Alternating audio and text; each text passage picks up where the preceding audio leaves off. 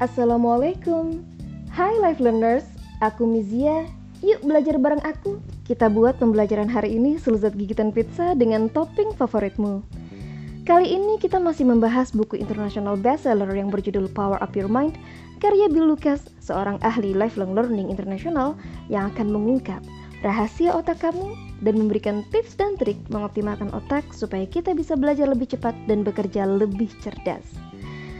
Terima kasih banyak buat live learners yang selalu mendengarkan podcast aku.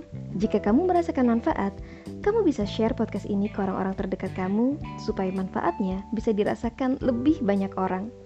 Aku juga terbuka loh sama kritik dan saran kalian supaya kita sama-sama bisa membuat podcast ini lebih berkualitas dan bisa lebih menginspirasi kita semua. Terima kasih banyak ya. Sebelumnya kita telah membahas tentang 16 kebutuhan fundamental yang mendrive manusia menjalani kehidupan di abad 21.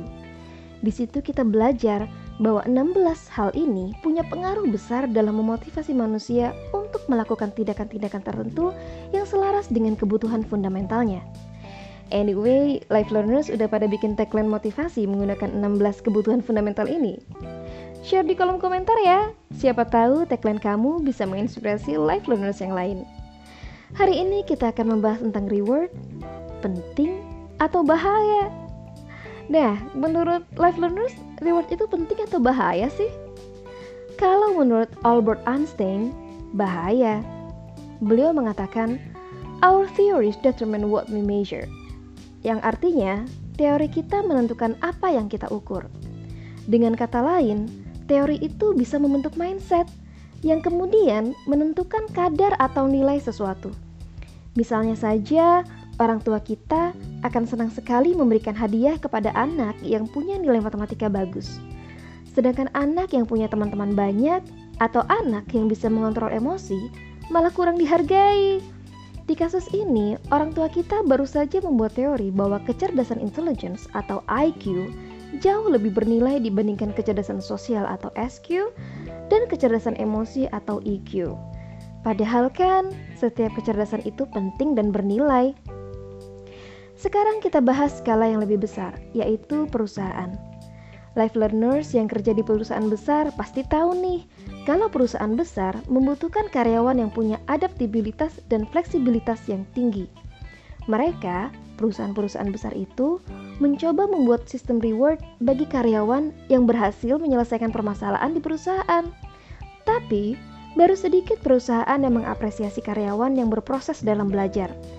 Padahal, memiliki karyawan yang punya kemampuan belajar adalah sebuah aset Ketika perusahaan memiliki karyawan yang punya kemampuan belajar, perusahaan itu akan lebih mudah mencapai target lebih cepat dan menyelesaikan masalah secara efektif karena karyawannya sudah terbiasa menganalisa hal-hal baru dalam proses belajarnya. Nah, ini mungkin bisa jadi bahan pertimbangan buat pada HRD atau personalia untuk menciptakan sistem belajar dengan tidak hanya mengirimkan karyawan ke pelatihan-pelatihan, tetapi juga mengakomodasi karya seti atau keingintahuan karyawan yang merupakan cinta alami belajar itu sendiri.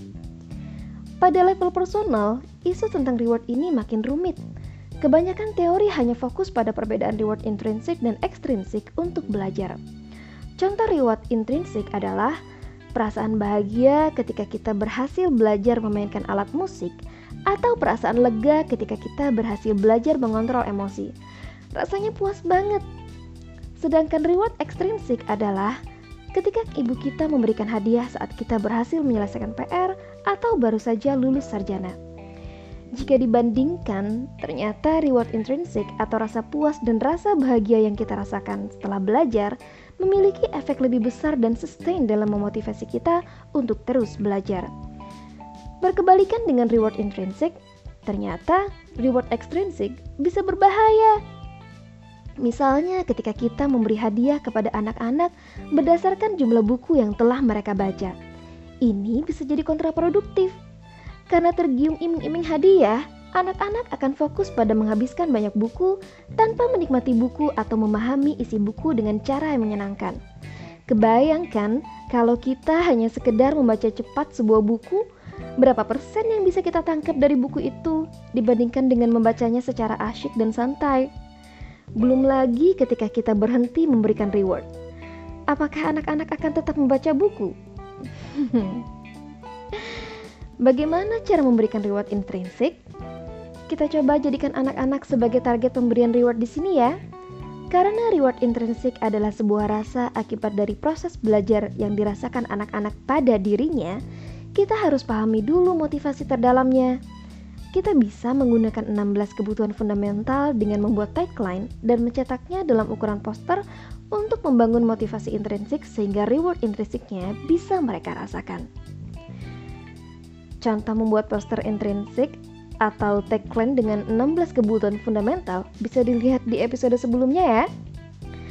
Kemudian, bagaimana caranya memberikan reward ekstrinsik? Kita bisa fokus pada proses belajarnya. Misalnya, ketika anak-anak merasa kesulitan dalam proses belajar, ini adalah waktu yang tepat memberikan mereka dukungan. Seperti yang kita pelajari pada podcast episode kedua, otak tidak akan bekerja dengan baik saat ia sedang stres.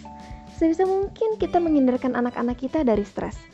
Dan ketika anak berhasil mengalahkan stres, kemudian memilih untuk terus belajar, ini juga saat yang tepat untuk memberikan reward, agar mereka mengerti yang perlu dihargai adalah proses, apa pun hasilnya. Nah, itu tadi sajian podcast kita hari ini tentang bahaya dan pentingnya reward. Jika kamu mendapati podcast ini bermanfaat, silakan share untuk orang-orang di dekat kamu. Semoga kamu terinspirasi ya, karena di sini kita bikin belajar selezat gigitan pizza dengan topping favoritmu. Terima kasih, sampai jumpa. Wassalamualaikum warahmatullahi wabarakatuh.